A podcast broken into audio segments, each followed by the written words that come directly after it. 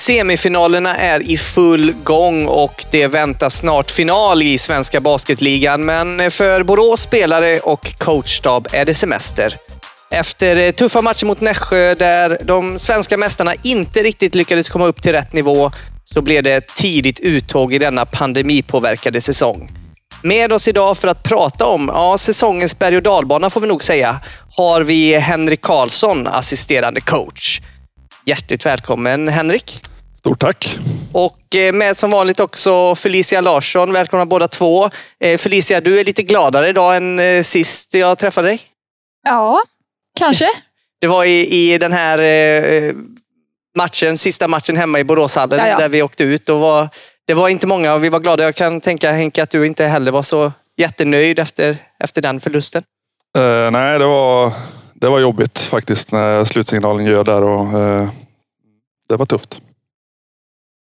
Vi, jag tänkte eh, ganska bra avstamp i, i den här intervjun. Ehm, nu är det ju lite distans till den här kvartsfinalserien eh, mo- mot Nässjö. Henrik, eh, hur, hur ser du tillbaka på den med, med lite distans? Eh, ja, det är ju...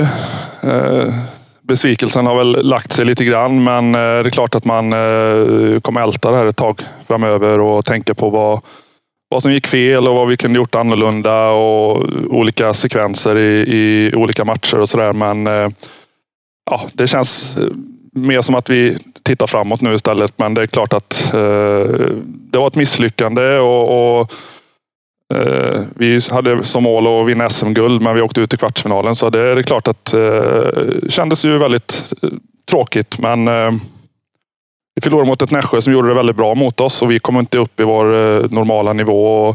Det finns ju säkert en otroligt många grejer man kan prata om som eh, gick fel och sådär. Så att eh, vi får se om vi kommer in på det. Ja, men precis. För jag tänker också kanske nu utan att gå in för, på för mycket liksom, detaljer. Men var det något liksom, rent taktiskt som Nässjö gjorde som ni liksom inte riktigt var beredda på? Som ni inte har stött på tidigare under säsongen? Uh, nej, inga större grejer uh, kanske. Det var väl uh, vissa saker i deras pick and roll-försvar som gjorde det lite svårt för våra guards. De varierar lite grann hur de, hur de spelade mot oss och kändes inte som att vi riktigt tog rätt beslut. Och vi försökte ju göra olika justeringar och så vidare. Men det, ja, det var, de gjorde det bra. Men förutom det så var det inte så mycket mer som överraskade oss. Utan det var ju mer att vi visste att Nässjö skulle vara otroligt tuffa på returtagningen och spela ett väldigt aggressivt försvarsspel. Eh, och där eh, räckte vi inte riktigt till tyvärr. Men om man då pratar på, på förhand så, så verkar det ju Nässjö som en, en fördelaktig matchup. Vi, man kollade ju i slut, eh, de sista matcherna på grundserien och så tänkte man ja, men om vi vinner där och det händer så, så då blir vi tre och då får vi Nässjö. Jippi slipper åka till Östersund, slipper åka till, till Luleå. Eh, och vi hade 3-1 inbördes mot Nässjö under säsongen. Så hade vi bara presterat som vi, vi gjorde innan så, så hade vi ju vunnit den här kvartsfinalserien. Men vad, vad gick snett? Eller har du någonting som du känner som är liksom... Där gick det snett. Eh, nej, det var som jag sa att eh, deras eh, fysiska spel, deras storlek och returtagningen. Om man tittar på siffrorna efter serien så eh, det som, som sticker ut är att eh, under, fem, under de fem matcherna så sköt de 60 fler skott än oss från golvet. Ehm, och det är väldigt mycket under fem matcher. Och det är mycket på grund av att de fick så många andra chanser. De tog offensiv retur och fick nya chanser. Och Sen att de, de även eh, tvingade oss att tvingade fram fler eh, turnovers från oss som gjorde att vi kanske inte kom till avslut. då. Och de lyckades ta hand om bollen väldigt bra. Hade väldigt låga turnovers under hela serien. Så att när man tillåter det andra laget att skjuta 60 fler skott, då är det klart tufft. Vi var nära att vinna ändå, men det är väldigt tufft att vinna då.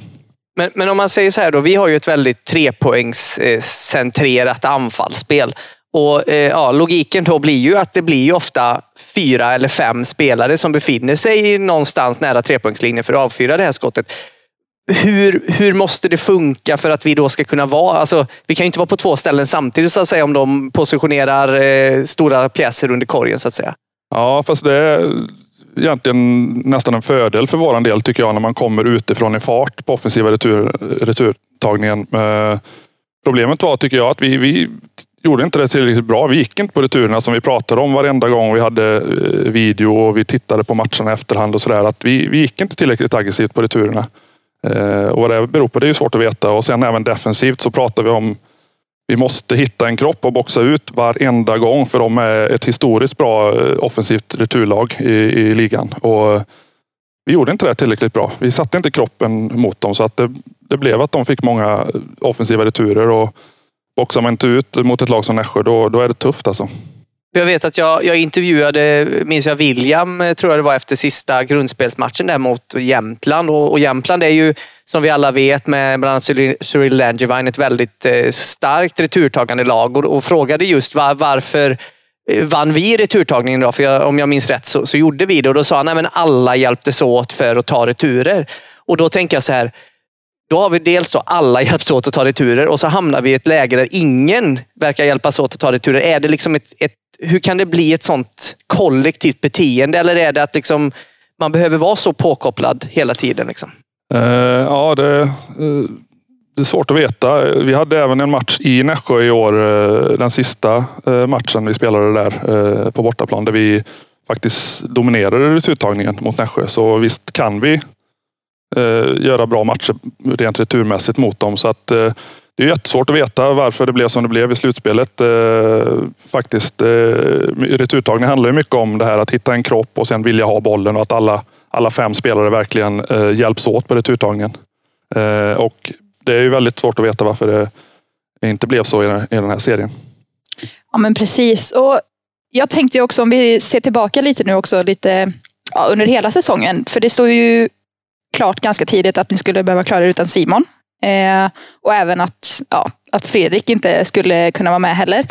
Jag, I mina ögon så eh, är det en väldigt eh, viktig faktor till varför det har gått lite upp och ner och varför vi inte har kunnat gå runt så mycket och sånt. Och jag vill ändå fråga om ni liksom behövde ändra någon spelidé på något liksom specifikt sätt eh, när inte de var borta. Och nu med facit i hand, tror du att det påverkade läget som det blev? Eh, ja, självklart så eh, påverkade det jättemycket. Framförallt Simon då när han skadade sig i andra matchen. Eh, eh kändes som Simon var på väg mot en jättesäsong. Bra försäsong och, och eh, skulle vara lagkapten när Fredrik var skadad och, och eh, så vidare. Så det är klart, när han skadade sig, då fick vi ju, då blev vissa spelares roller blev lite annorlunda. Eh, William fick ju gå in i första femman och starta på position fyra.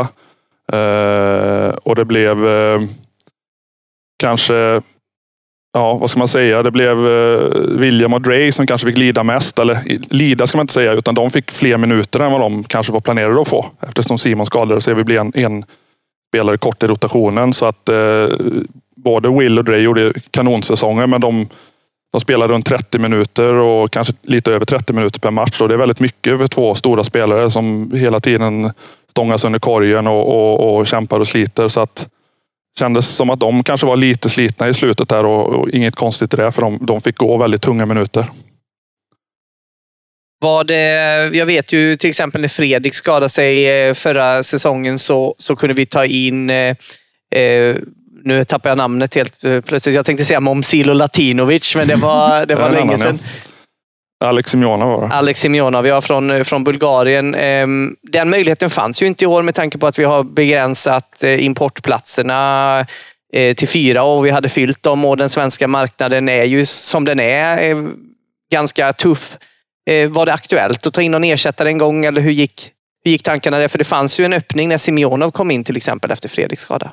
Eh, ja, jo, det, det, är klart att vi tittade på möjligheterna att ta in någon spelare som kunde fylla eh, Simons eh, skor. Men som sagt, mycket tuffare i år med, med tanke på de nya importreglerna. Det var bara en, vi var tvungna att hitta en svensk spelare som passar i den rollen och det är inte så lätt i, i, att göra det. Så att, och vi kände väl att vi ändå hade bra spelare i laget och att vi kunde klara oss hyfsat bra. Och det gjorde väl vi om man tittar på i alla fall grundserien som jag tycker var Eh, lite upp och ner, men bra. Vi slutar 22-10 och, och om man tittar på olika statistiska kategorier så är vi ju etta i väldigt många och sådär. Så grundserien var bra. Det var bara ett slutspelet. Uh, eh, kanske vi var lite slutkörda där.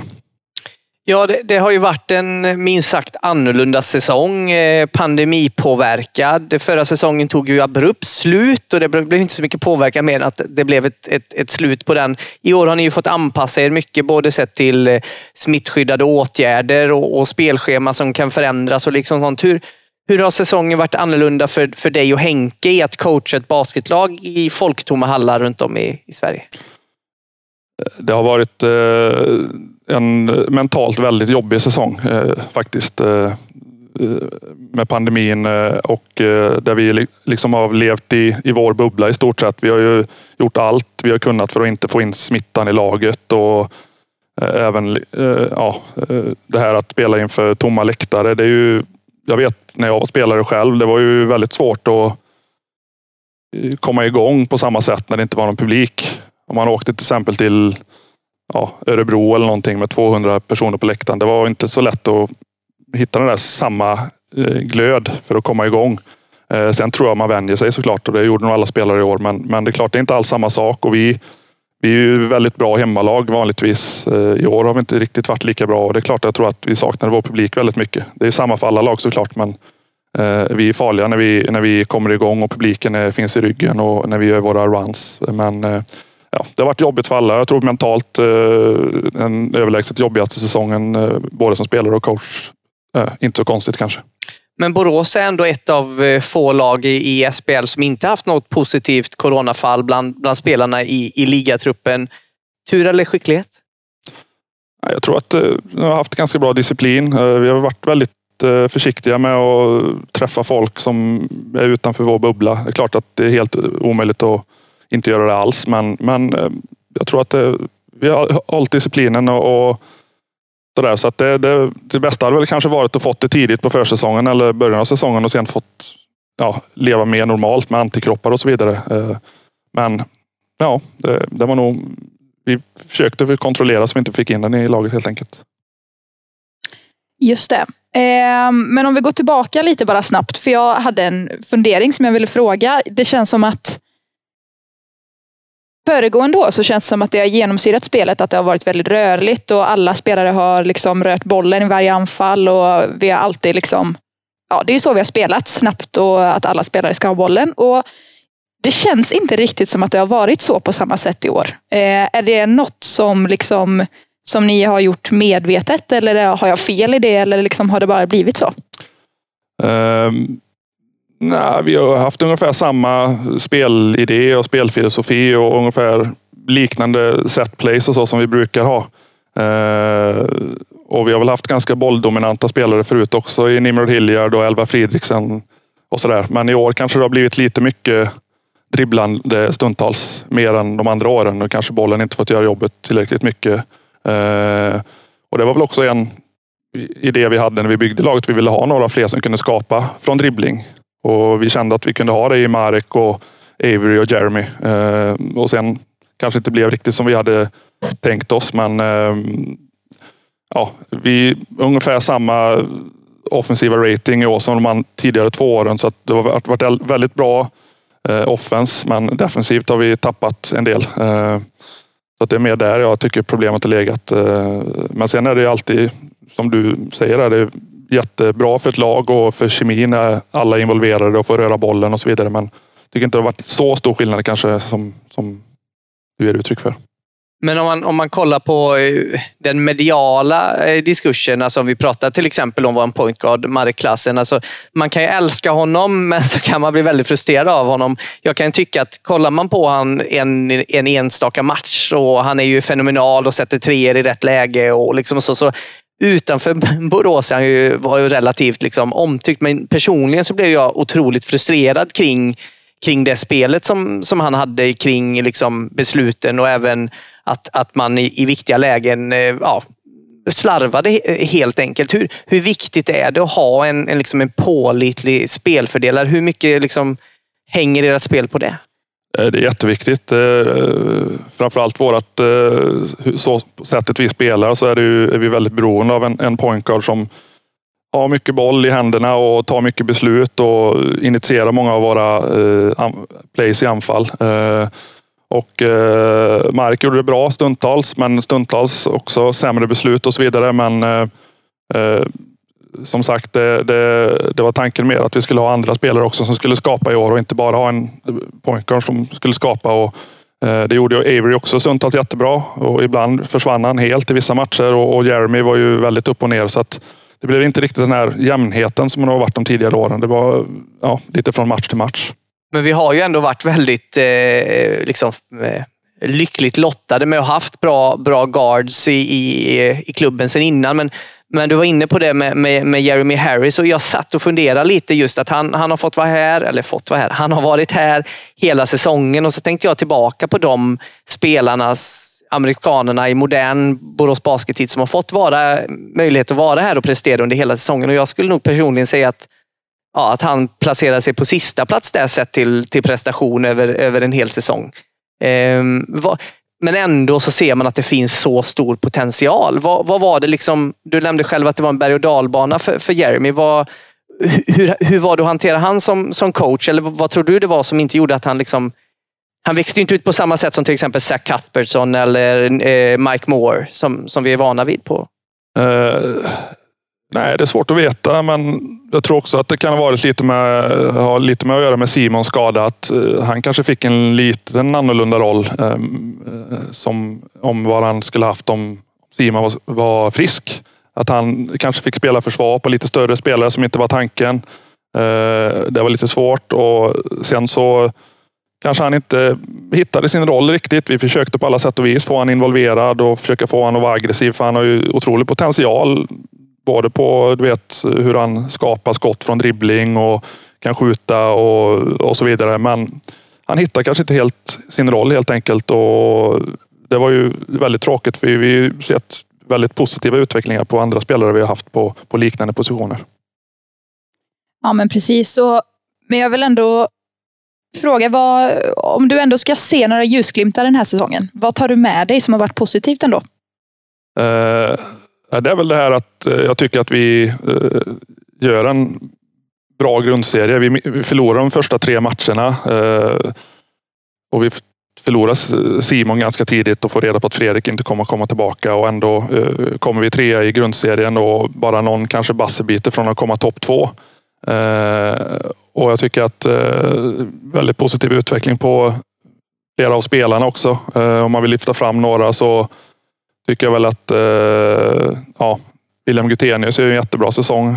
Han får ett större ansvar för att spela eh, fler minuter än vad han gjorde året innan och, och sådär. Han gör ju det väldigt bra. Eh, DeAndre Davis går ju från klarhet till klarhet och eh, skjuter som en gud hela året i stort sett. Det är inget vi har räknat med att han skulle göra, men, men han har verkligen eh, tränat på det och blivit en, en eh, väldigt bra skytt. Och, och sen gör han ju allt annat som inte syns i statsen också för laget. Eh, så det är otroligt bra. Sen eh, övriga spelare, Ludvig Johansson tycker jag tog ett kliv i år. Eh, blev, eh, fick en lite större roll och, och utvecklades som ledare och, och spelare. Eh, och John Brandmark tycker jag gör en väldigt bra säsong. Han fick komma in i första femman och blev våran, våran kanske, som Fredrik och Simon brukar vara, som håller ihop försvaret och, och eh, är väldigt pålitlig där och, och sköt bollen bra från trepoängslinjen också.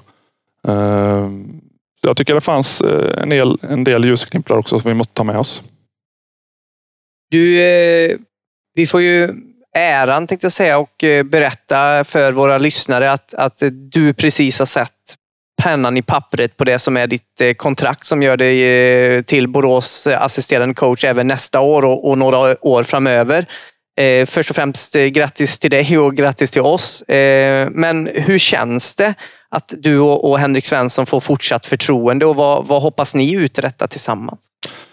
Ja, tack. Eh, det känns eh, väldigt bra. Eh, och jag tycker att vi har gjort en väldigt bra resa här tillsammans under de här åren. Utvecklingen som har skett med SM-final och så SM-guldet och även om det var ja, för att säsongen lades ner då, så, så hade vi en väldigt bra säsong eh, det året. Och så i år då lite, ja, lite, lite sämre då eftersom det blev ett eh, vi åkte ut i kvartsfinalen självklart. Så, men på det stora hela tycker jag vi har eh, kunnat få genomslag för vad de visionerna vi hade när vi satte oss ner efter första säsongen som var lite upp och ner också så har vi verkligen kunnat eh, sätta det i praktiken och, och göra någonting bra av det. Eh, av sättet vi vill spela på. Och nu eh, känns det väldigt kul att fortsätta jobba ihop. Vi, är fortfarande, vi, vi har ungefär samma syn på basket och vi är två basketnördar liksom, som lever för basket eh, i stort sett 24-7. Liksom. Så att, eh, det ska bli väldigt kul att fortsätta det här.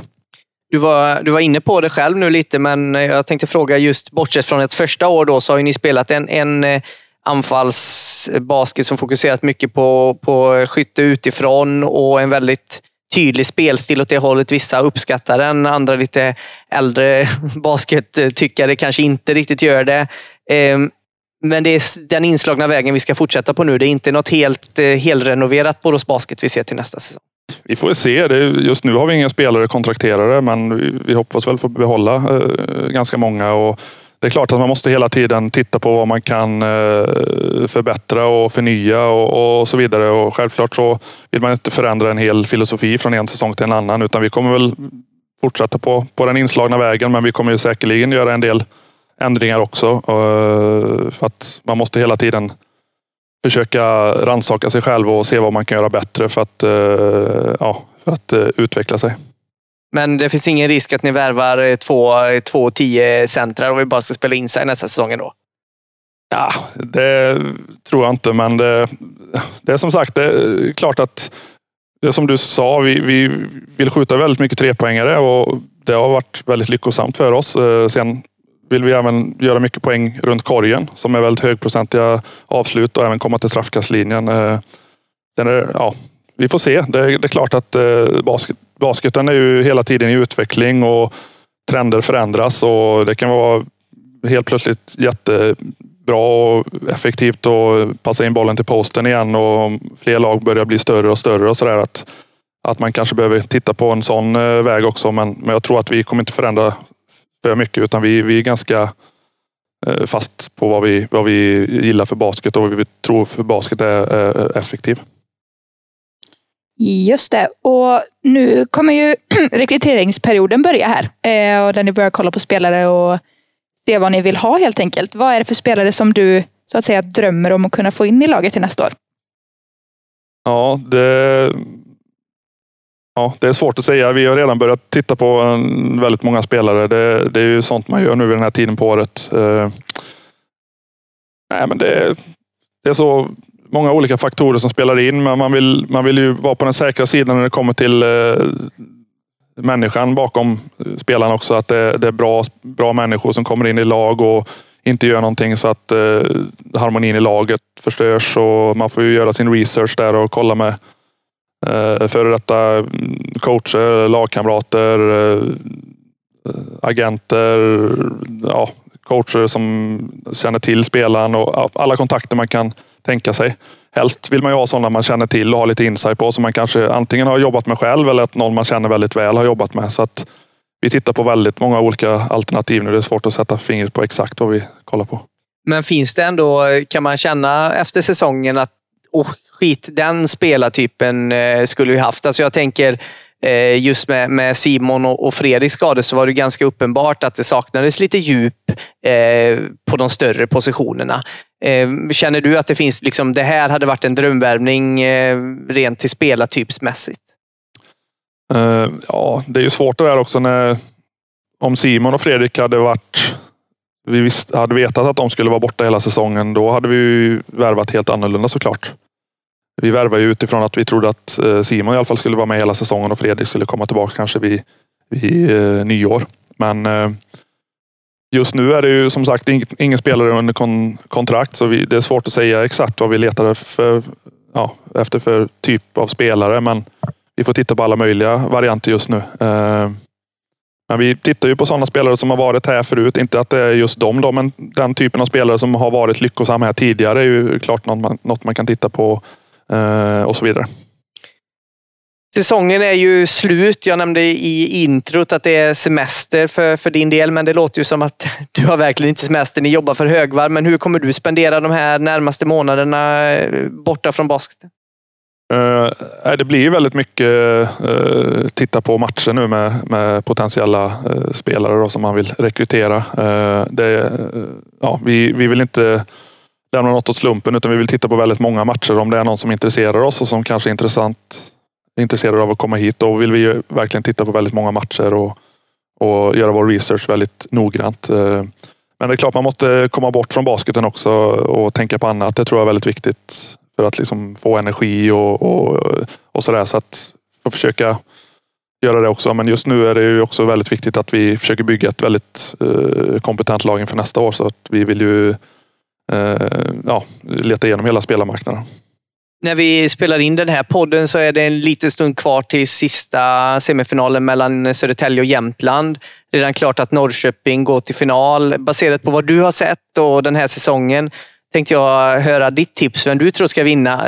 Risken är ju nu att din eh, gissning redan är eh, inaktuell när vi släpper det här avsnittet om du är helt fel ute. Men vem tror du är starkast av de här tre lagen?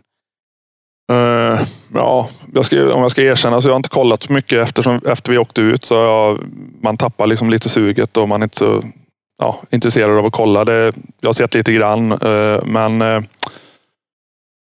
om man ska gå från hela säsongen hur den har varit så känns det som att Södertälje har lite mer rutin i laget och Samtidigt så har de ju en ganska tunn rotation så de är nog lite ner, ja, slitna känns det som. Men och sen har ju lagen vunnit sina hemmamatcher så det talar väl också för Södertälje i, i, ikväll. Då. Eh, så jag får väl ändå säga Södertälje även om jag, ja, Jämtland är, de är bra. De är stora och de är fysiska. Och, eh, det är nog väldigt, väldigt nära att vara en 50-50 match. Där, men, men om jag måste gissa så är det Södertälje. Så vi får se nu då hur det är. Exakt. Men om det då blir Södertälje och Norrköping i finalen, vem tror du, vem tror du tar hem hela, hela kalaset? Uh, ja, bra fråga alltså. Norrköping är ju väldigt bra. Jag sa, vi sa det tidigt på säsongen att jag tyckte de hade satt ihop ett väldigt bra lag. Eh, truppen såg stark ut eh, med stor potential och de har ju verkligen gjort det kanonbra i år. Så att, eh, svårt att säga. Jag vet inte om jag vågar, på, vågar mig på något tips där. Okej, Norrköping vinner alltså? Ja, vi får se. Det beror på vem de möter. Felicia, eh, Tack för att du hade möjlighet att dyka in här i vår pandemianpassade studio och eh, ett extra stort tack till dig också Henrik, vår eh, gäst eh, för idag. Tack så mycket. Du lyssnade på säsongens femte avsnitt av Basketpodden Vi är Borås och jag och Felicia vi håller för fullt på att planera ett avsnitt om damlagets kommande säsong i SBL Dam och hoppas att du också vill vara med och lyssna på oss då. Eh, vi uppskattar verkligen alla lyssningar som vi får. När det är dags nästa gång så passa gärna på att eh, följa vår kanal i din podcastapp om du inte redan gör det såklart. Eh, genom att följa oss så får du möjlighet att lyssna på avsnitten innan vi publicerar dem i sociala medier. Avsnittet leddes av Jonas Selin tillsammans med mig Felicia Larsson. Och gäst den här gången det var Henrik Karlsson. Vi är Borås produceras av 609 Fotomedia Musiken gjordes av Anton P Klavborn. Om du vill framföra något inför nästa avsnitt så mejlar du media borasbasket.se.